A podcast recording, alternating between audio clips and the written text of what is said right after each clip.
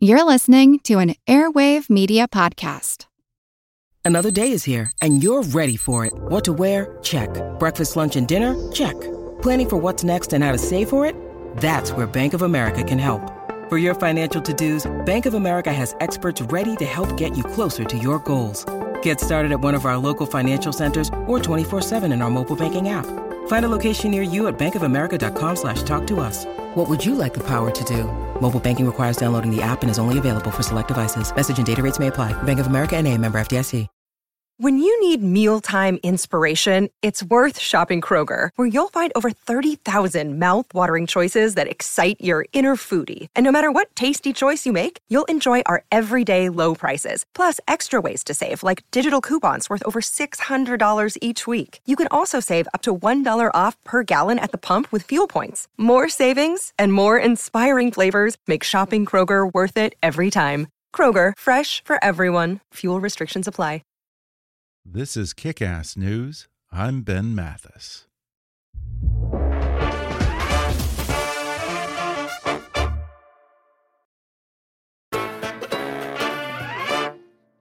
It's every couple's nightmare. Your spouse and you hit a rough patch, so you decide to go see a therapist. But what if that therapist doesn't have your best interests at heart? Or worse, what if that therapist is a psychopath hell bent on breaking up your marriage and doing you physical harm? That's the plot of a new movie starring Alicia Silverstone and Rob Corddry called Bad Therapy. And today they come on the show to talk about the film that comes out on video on demand April 17th.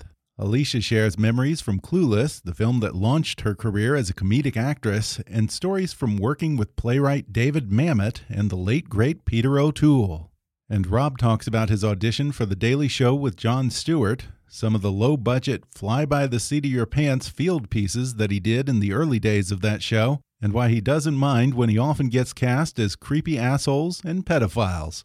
Plus, they talk about the real story that inspired Bad Therapy the potential pitfalls of entrusting your most important relationship to a total stranger, and what it's like for Rob to be the object of psychosexual desire. Coming up with Alicia Silverstone and Rob Corddry in just a moment.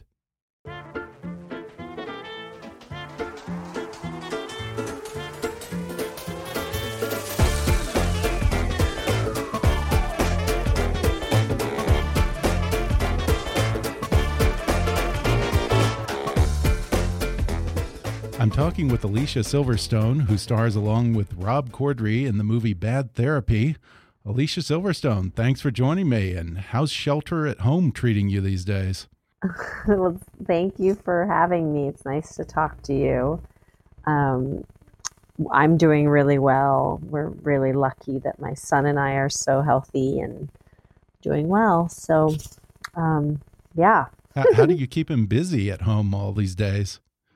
Um, we do all kinds of things. We, um, I mean, I don't know how there's enough. I feel like there's not enough time in the day because Really? I'm a mother and because I work. So, Sure. um, but there's, you know, we are going on hikes. We're doing exercising together. We're dancing. We're jump roping. We're trampolining. We're cooking together. we're Wow. you know, taking baths together and talking about, you know, doing math problems in the bathtub, you know, and all kinds of things. So there's we and then we play cards and um and board games and I feel like there's not enough hours in the day. Wow. And- yeah. Yeah. Sounds like you're keeping him pretty busy. You're doing a good job Yeah. there. Congrats. And I have to ask you about something because you have dedicated almost as much of your life to animal rights as you have to acting, maybe even more. I have to ask, Mm. have you watched Tiger King yet? I haven't. Yeah, you know, I don't know honestly anything about Tiger King. I saw a few things about it on my Instagram feed, but I'm so in kind of preoccupied thinking about the virus and Mhm. how to help people like build their immune systems, you know, take this opportunity to be as healthy as you possibly can, you know, and make ourselves more resilient so we're able to fend off these diseases. So my, my focus has been a little bit off, but I would love to know more about it. What what should I know? Um, I, I mean, I don't think that you would enjoy it. I, I, Yeah. it, I mean, it exposes some pretty terrible conditions that they keep these big cats in. But then Yeah, it's also the question of like, you know, is it a good or a bad thing for the animal rights movement because it exposes that sort of thing, but it's also sort of making a celebrity out of this crazy guy Joe Exotic. I don't know anything about that, Yeah. but I'm a, but I, if he's keeping animals in circus or sort of zoo conditions, he's not a good. He's not doing good by my Yeah. book. yeah, not not even zoo conditions, but you know, janky ass like middle of nowhere zoo conditions where they're Yeah. feeding uh, animals expired Walmart meat and stuff. You know, pretty Yeah. bad, pretty bad. But um, you know, it's fun to have you on because Clueless was sort of a milestone in my life. I, I'm probably for many people, it was kind of a seminal movie of the '90s, but particularly for me, it was the first movie premiere that I ever went to. I was brand new Oh. at USC Film School, interning at Warner Brothers. My boss gives me an invitation. And here I'm thinking, you know, Grauman's Chinese, red carpet, arc lights, and all that stuff. and the premiere's a beach party at Malibu, and no You one's wearing shoes. I'm overdressed. so cool. yeah. yeah, but to this day, I still think that it's probably the funnest premiere that I ever went to. Wasn't that a great party? It was. It was such a party. I remember I brought my dog, hmm and it was just wild. I. It was so. It was wild. Gosh. yeah. How old were you when you made Clueless?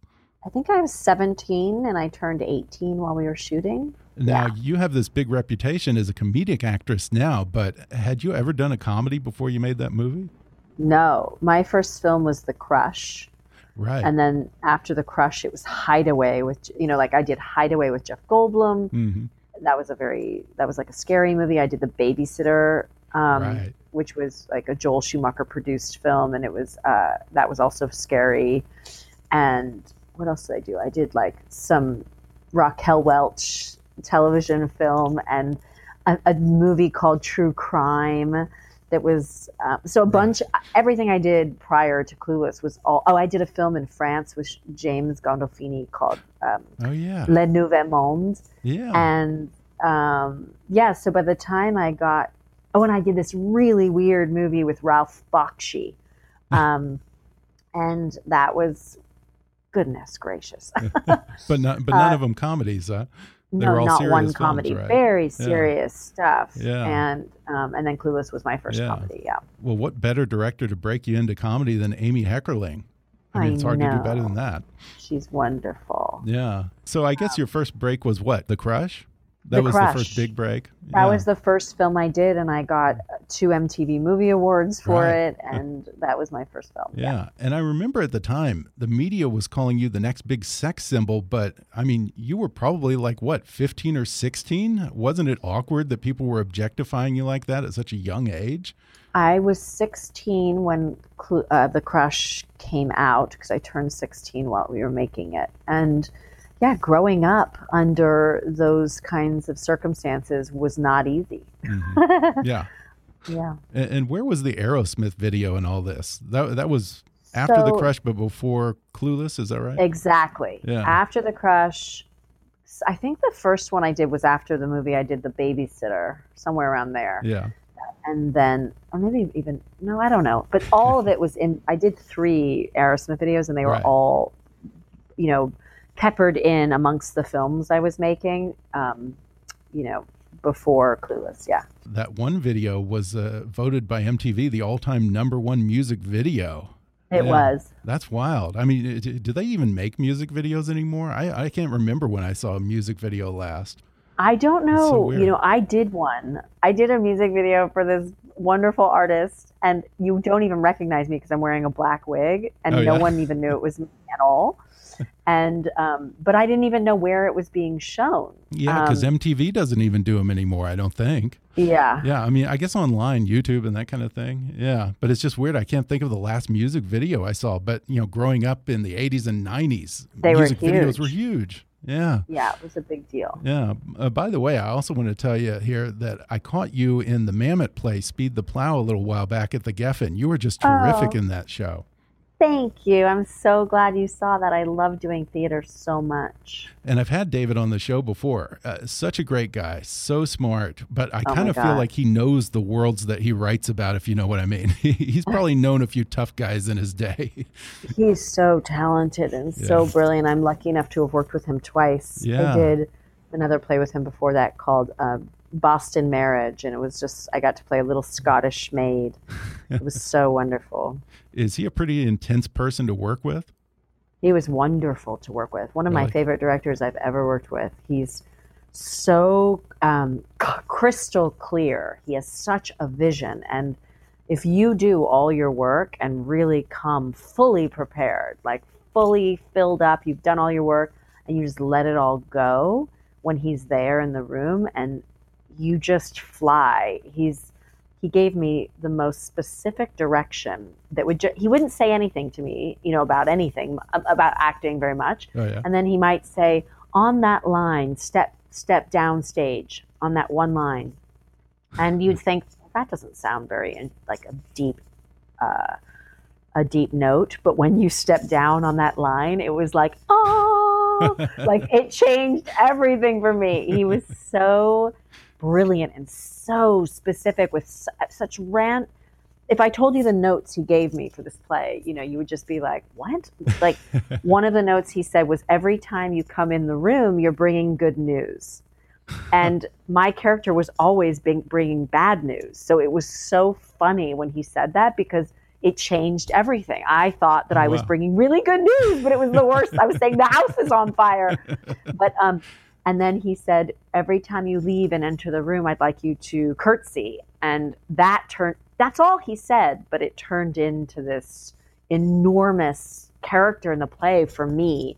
Um, i just started to really dive into that. And then one other thing he said to me was um, oh i'm never allowed to i wasn't allowed to look at anyone. I couldn't look at any actor on stage. I was only allowed to look straight out into the audience because I was playing a slave. You know, I was playing um, a housekeeper to these women in this play in this play called um, Boston Marriage, and I anyway this added an element that was it, it just that's all that I can tell you that in the the three months I spent with him, that's all he really said to me in terms of direction. But Wow. it was so profound. And even with the costumes, he would just say, Can you adjust this thing like one inch over? And yeah, he just, he's so smart.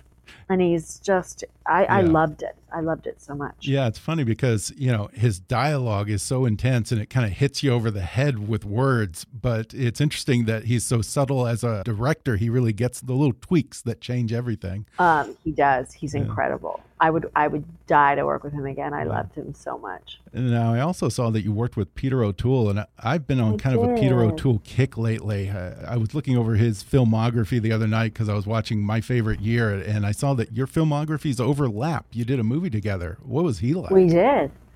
Um, Peter O'Toole and I were dear, dear friends. I was friends with him all the way up until when he passed, and he he and I had such a like lovely relationship. Um, he's such a wonderful. Uh, first of all, I got to act with him, which is um, incredible, right? Yeah. And um, but he and I became buddies. We stayed in. Really? He and I were the only ones who stayed in this one hotel together. So he and I were like kind of roommates. He lived right down the hall from me. Like we, his door was one door, and then mine was the other door.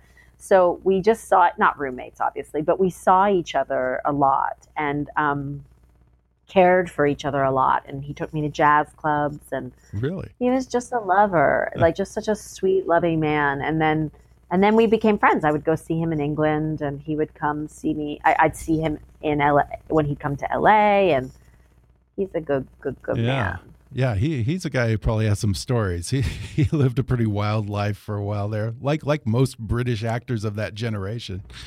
i know i wish i could have um, i just enjoyed him in the moment i wish i had been more thoughtful to ask him about all his stories but Now your parents are British, is that right?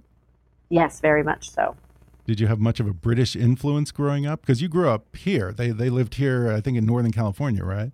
Yes, my mom and dad um, were both English. They met in Florida and then they moved to San Francisco together and then they had me. Well, they had my brother and then they had me.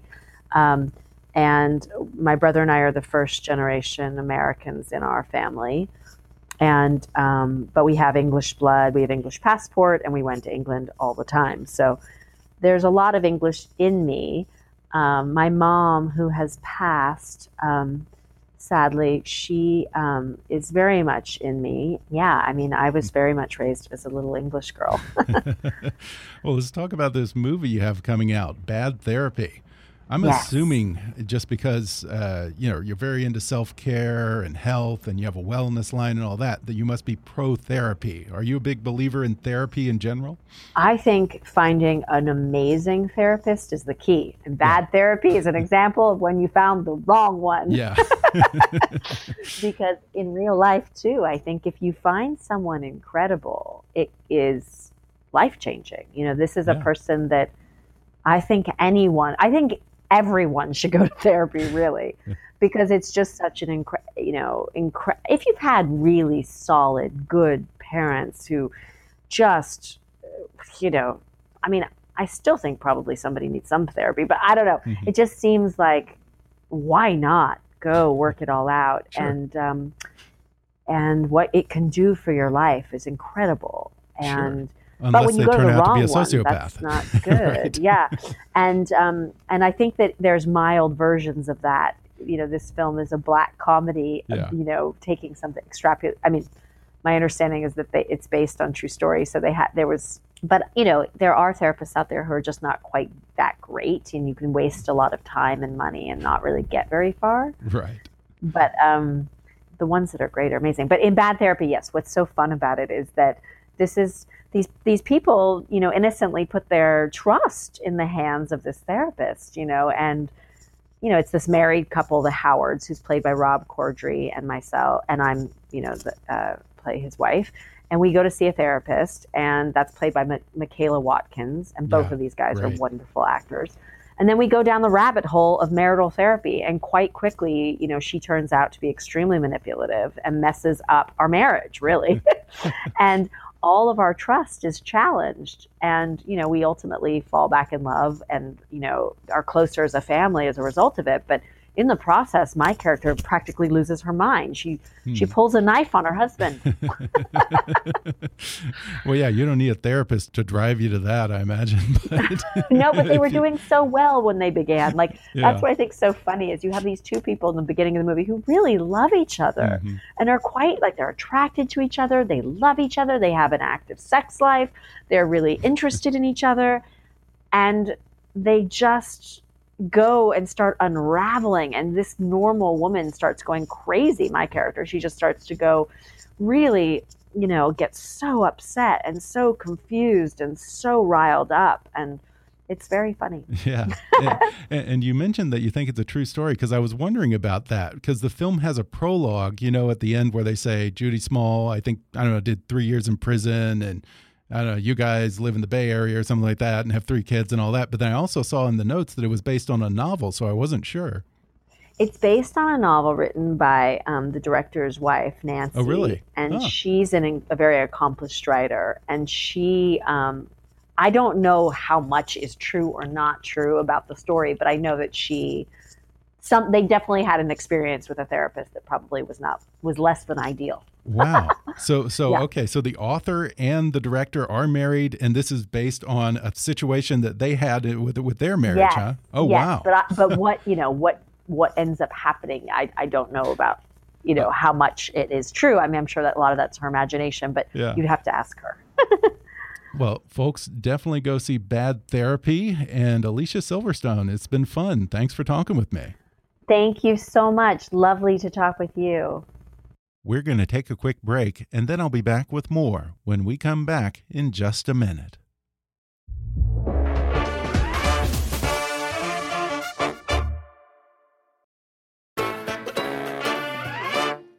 Folks, you know Rob Corddry from The Daily Show, HBO's Ballers, and Children's Hospital on Adult Swim, as well as movies like Hot Tub Time Machine, Old School, The Heartbreak Kid, and What Happens in Vegas. Now he stars alongside Alicia Silverstone in Bad Therapy, which comes out April 17th. Rob Corddry, welcome. Let's kick some ass. Can you do that with social distancing anymore? I don't know. Yeah, man. well, basically, I just wake up every day, and what I do is I take the day, and I I get it in like a classic Greco-Roman wrestling hold. like I get its arm behind its back, Nice. And then I whisper in its ear like, like I could snap your arm at any time today. uh, you know, and so then the, the today knows it's my bitch, and um, Uh, How are you surviving quarantine? Are you in New York or LA, Rob? I'm in uh, L.A. Oh, you are? Okay. See, now, isn't it weird? I'm in LA, you're in LA, and we're doing this remotely over the internet. it's the end of the live interview, I guess. I I wonder. Oh, I'm sure a lot of things will go back to normal, you know, but but there will be certain things that people discover, uh, you know, can just be done this way. Like I'm I'm I don't know. I'm hoping for that, and I'm afraid of it at the same time. Yeah, I'll tell you the guys I feel sorry for. Guys like Stephen Colbert and all these late night hosts right now Wow. who have to put together a full episode every night from home and somehow make it funny and entertaining. I mean, the novelty of seeing a celebrity in their natural environment only goes so far. I mean, that's got to be a lot of pressure. I, I think Colbert was did two minutes of feeding his dog ham the other night. oh my god, yeah, those guys are working their asses off. I uh, I don't envy them at all. Yeah. Now, you know, like a lot of people, I first got introduced to you on late night when you were a correspondent on The Daily Show in the early 2000s. Was that show pretty much your first break? Uh, yeah, I would say so. That was my first. I'd say it was definitely my. I had done a bunch of commercials before that, stuff like that. Mhm. I think I was in one movie before. And prior to that, you earned your chops at UCB, right? That's right. Uh, who else came up with you in your UCB class? Um, oh, it's funny because I just uh, did a big group Zoom with a bunch of them last night. Uh, Oh, yeah? Huskey, Paul Scheer, Rob Huebel, Seth Morris, um, Jack McBrayer. Uh, God, who else was there? Um, Nick Kroll was a little bit after us, but Wow. Great Uh, group. Rob Riggle. Uh, Oh, yeah. Rob, love him. Had him on really the show a few times. yeah, it's uh, Yeah. yeah. It was a. It was. I always kind of joke, but I'm I'm serious that this is the one only thing in my life I've gotten in on the ground floor of was the UCB theater. Like it's kind of like I was at CBGB's in 1975 to watch the birth of punk rock in a way. Yeah. or yeah. my weird version of what that is and it's the only time like i can say in my life like oh nice theater when i was young we had to walk up four flights to a ballet studio what was it like getting back with the all the gang on Zoom or whatever it was or Skype the other day? Uh, well- I mean, do you guys improv over Zoom? We- we've been talking about it i mean basically it's just that it's it's all bits and then it gets super political and then it goes back to bits and then mostly just everybody tooling on jack mcbrayer yeah. Um, and uh Now, did you ever have a stand up phase? Because I, I always talk to comedians who inevitably had an improv phase and improv comics who had a stand up phase. Oh, that's funny. Um, yeah, no, I didn't professionally. I I used to do a lot of college gigs when I was on the Daily Show, and I would do like five to ten minutes of sort of local based joke stand up. You know, because I know the rhythms of it. I know how to pretend to look like a stand up, but I have and I've considered it before. I've written down jokes and thought, God, this would be so fun and funny. But like, I I have too much respect for that uh, as an art form. I think to, you know, be one of those guys. It's like, Mhm. Oh, just because you're a celebrity and you you've said a couple funny things, you're gonna just you're gonna bump some young upstart who's only thinking about doing this for the rest of his life. You know, at the comedy cellar or something. So like, I uh, I, I have too much respect for the work that they put into it. You know, the dedication that goes along with being a stand-up. Yeah. It's, it's intense. I- mean, I mean, improv is easy, So- I think, compared to it. So you would develop local comedy every time you did like a, a college campus or something like that? Well, I mean, that's a lot of work. no, I would kind of have. It was like plug and play. Like I, I'd ask, I'd ask my, Oh, um, okay. you know, my contacts, like, oh, who, uh, who's the, um, you know, what, what's the local pizza place or, uh, Yeah. You know, Oh, okay. it, it, it was nothing uh, all that Yeah. special. Yeah. Yeah. Dean Jeffries. What's with that guy? Yeah, right. Exactly. Exactly right. yeah. What was your first audition for The Daily Show like? Or I guess your only audition for The Daily Show? Oh, it was awesome. Uh, actually, I had two auditions. The first one, I worked so hard on it, harder than I'd ever worked on an audition before because I knew I could do it, and I was obsessed with the show anyway, and and I knew that I could do that. I I got it. I just got the show, and so I really put work into it. Like I took the um the the script, put it up on the wall, but I would be talking to it as if it were the camera while I was reading it, as if it were a teleprompter, and you know, and I I came up with a couple of jokes that weren't in the on the page, and I I I I thought I had a really solid audition, and then after that, you got to go into uh, sit at the desk and do a desk piece with Jon as your sort of callback, you know? And that is terrifying and thrilling at the same time. Like, because to make Jon Stewart laugh is, I can't think of anything that tops it, you know? Yeah. He's the master. Yeah. So to, to see him having fun during a callback for a, for a correspondent, uh, immediately like charged me up a little bit. And I think yeah, maybe put me over the edge. But uh, it was it was a fun process looking back on it. Yeah. I'll bet. I'm sure I was terrified at the time. And and I've had a number of former Daily Show correspondents on the show, including guys like Riggle and Ed Helms, who I think came on board around the same time as you. And one thing that they always say is that the field crews, especially in those early days, pretty much had a license to go rogue and do whatever the hell it took to get a laugh. It, it was sort of like the Wild West, where once you got out of the studio, you just never knew Yeah. what you were going to get. Yeah. And they all say that it was the most fun they ever had. Very much so. I mean, it was definitely it was definitely you know a more collaborative um experience than say like you know the the the, the in studio bits that Yeah. the writers and Jon would largely write.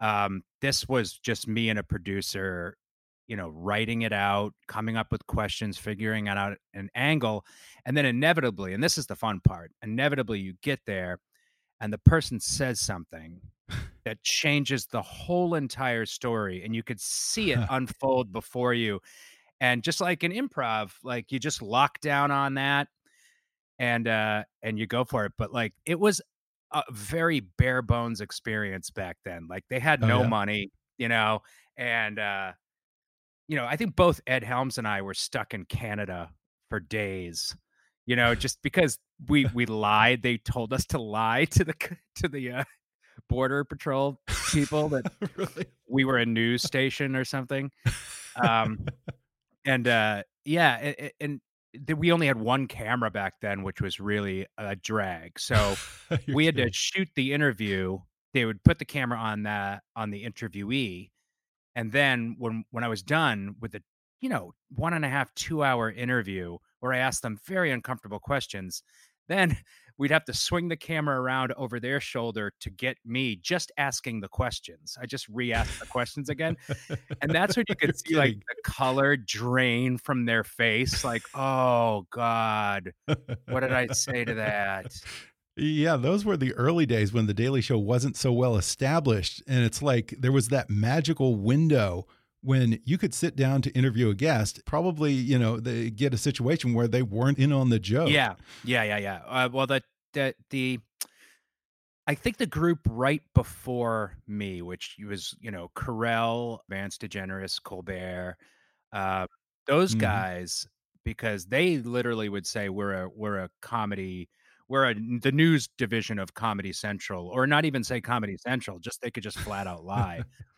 It got harder and harder as we went on to to try and like sell the show as anything but exactly what it was. Do, do you have a favorite interview that you did?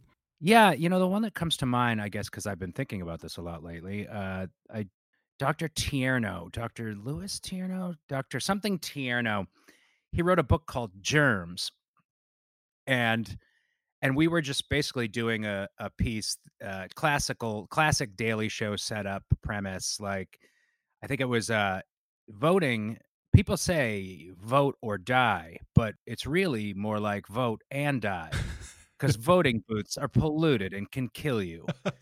And uh, you know, he did a he did a swab of the voting booth and found so much feces in there.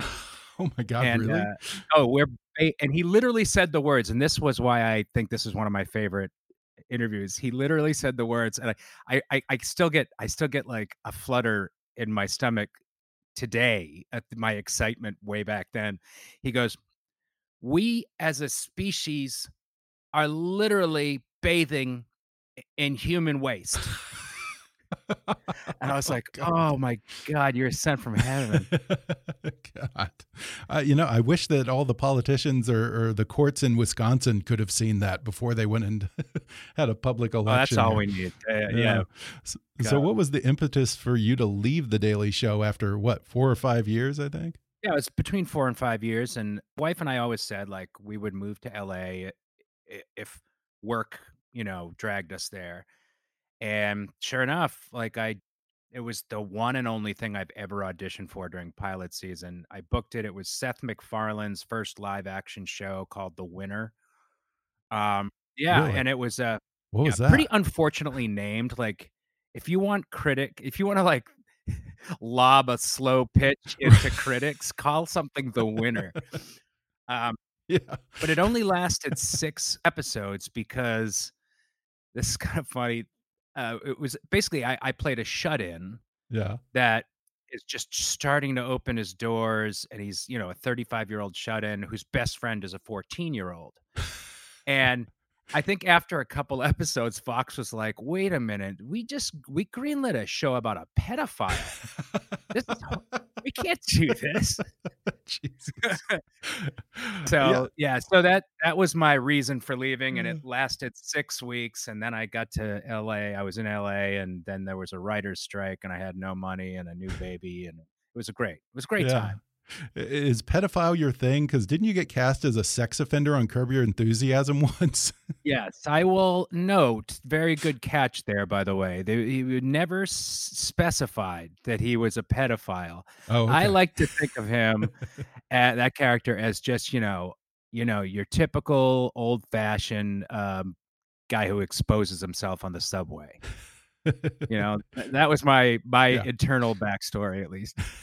I was in uh, I was in New York once. I was leaving the Daily Show, and this uh, cab screeches to a halt right in front of the door of the Daily Show, and the cabbie rolls down his window and he points at me and he goes, "Ha ha, pervert." really? He might have been talking about something else, but I just assume it was Curb. Were you wearing a trench coat? To be fair, I was wearing a trench coat with shorts, so okay. I can see why he might. there you yeah. go. well, you have since recovered from your Seth MacFarlane pedophile phase. You had Hot Tub Time Machine. Uh, you were on Curb, uh, Children's Hospital, which I am a huge fan of. Absolutely love it. Of course, Thank Ballers. You. And now you've got this movie, Bad Therapy, coming out. Uh, congratulations, by the way. Uh, you actually get to play a pretty good guy in this movie. I'm used to seeing you play the asshole. well, he's a good guy. He, he, I know, right? It, it's and it's not it's not strictly a comedy either. That's what I like about this movie. Right. That it's like yeah, it definitely um you know crosses genres. It's a, a comedy, a relationship drama. It's also a um a thriller um, so it's it that's what was really interesting to me about it. And yeah, I, he's like a quieter dude. He's kind of content with life, and you know. Yeah, I think I heard once that uh, you said that your manager once told you that you play creepy but accessible assholes. That's, that's right. your your That's niche. right. Because he said he goes, look, you you got it made. You you're the the the one thing you can do without is to is be inherently likable for some reason. So you could play the baddest guy in the world and people will still like you. I was like, okay, I'll do that then. Oh, it's fun though, man. It's fun to like let to have free reign and and and actually get applauded for it. You know, now, what's what's the story on bad therapy? It's uh, there's a therapist who interferes yeah, that's with right. your marriage, um, right? It, it it's it's hard to sort of explain how we get into the therapist's office, like how we end up in therapy because we both uh, Alicia's character and mine have two totally different perspectives on that. Um, and but we do end up there, and yeah, she ends up completely dismantling us, and uh, and it's played by that role is played by Michaela Watkins. Yeah, it's my great. wife in, in the Unicorn, and she's awesome. Yeah. She she brings a lot of the the comedy to the movie. She's hilarious and and so good. Yeah. Now you've been married for I want to say coming up on 20 years. Would you ever entrust your marriage to a therapist? I don't know. I mean, a lot of power to give over. Uh to a stranger. I, don't. I have this uh this inherent trust of therapists for some reason, I guess. I don't know. I, oh, really? Yeah. Um, my friend once was in therapy and he and he left his therapist and I asked him why and he was like, because I saw him driving his car and he had like 14 bumper stickers on the back and one of them was like coexist and I was like, oh god. He was like, I can't talk to them anymore. but uh, you know, I, I, I don't know. My wife and I like work out our problems yeah. after an uncomfortable days. And this therapist sort of becomes obsessed with you. What's it like to be the the object of psychosexual desire, Rob? yeah, yeah, yeah. Uh, the object of psychosexual desire, but accessible. Yes. Um, yeah, I. uh What's not a bad thing to play, you know? It's and it's kind of funny. Like I sort of had trouble. I'm realizing now wrapping my head around the reality. Mm -hmm. Like what? Who would break up what kind of person would break up a marriage to to be with me? You know, like what? So she's uh, got to be. Don't crazy. sell yourself short. No, but I mean, come on. I mean, look, I'm, I'm a I'm a bald man. And I heard that this story is sort of inspired by the director and his wife's experience in therapy. That's pretty terrifying. Do you know the backstory there? Yeah, you know, he told me that uh, he told me about as much as that, eh, but he said like he said well, she wasn't his their therapist wasn't a psychopath, but I I do think I don't think it was a great experience, and yeah. I imagine that like they this is my version of it. This might not be true, but like I imagine like a lot of people come out of therapy or come out of something like that eh, better because you feel superior to the like you feel like well that person's crazy i'm doing fine you know yeah. i that that might have been i don't even know why i'm saying that that might uh he might have mentioned that to me or i'm making it up uh, it's an interesting movie and it's very LA because you know you work in the industry and your wife is a realtor and I kind of feel like those are the only two acceptable career paths in this town. Yeah, well that's a, it's interesting you say that because that actually helps explain how we get into therapy, you know, because it's a very mm. LA thing and Alicia's character's feeling sort of uh unmoored in her real estate business and not successful and I don't want to change anything about my life. I'm good. I'm static. And and she decides she wants to do therapy because her best friend is because it's the thing you do and the thing with more money than us do and blah blah blah. Oh no. So it would so that is LA. She got into it for the wrong reason. And then eventually I start getting into it for the wrong reasons. Well, it was originally slated for a theatrical release, yeah. but then, of course, now the theater's all closed up. So, where can folks listening see Bad Therapy? I think everywhere right? I mean, you know, pick a place. Okay. okay. Name all something. the streaming. I don't know. I I think it's all the streaming that's video on demand, and all the streaming apps should uh should have it. I'm sure uh Apple TV got it. And, Terrific. Yeah, I wish it got a theatrical release, but but um whatever. Those days. Speaking of things that might be over, those days might be over completely. Yeah, I'm gonna miss movie theaters. You know? I'm gonna miss the, the collective experience. I, I certainly hope not. Yeah. Well, again, look for Rob in Bad Therapy coming out April 17th. Rob Corddry, thanks, man. It was fun, man. Thank you. Thanks again to Rob Corddry and Alicia Silverstone for coming on the show. See Bad Therapy now available on video on demand and follow them on Twitter at, at Alicia Silv and at Rob Corddry. If you enjoyed today's podcast, be sure to subscribe to us on Apple Podcasts and rate and review us while you're there. Five star ratings and detailed reviews are one of the best ways for new listeners to discover the show. You can also follow us on Facebook or on Twitter at, at KickassNewsPod and recommend us to your friends on your social media. For more fun stuff, visit kickassnews.com, and I welcome your comments, questions, and suggestions at comments at kickassnews.com. For now, I'm Ben Mathis, and thanks for listening to Kickass News.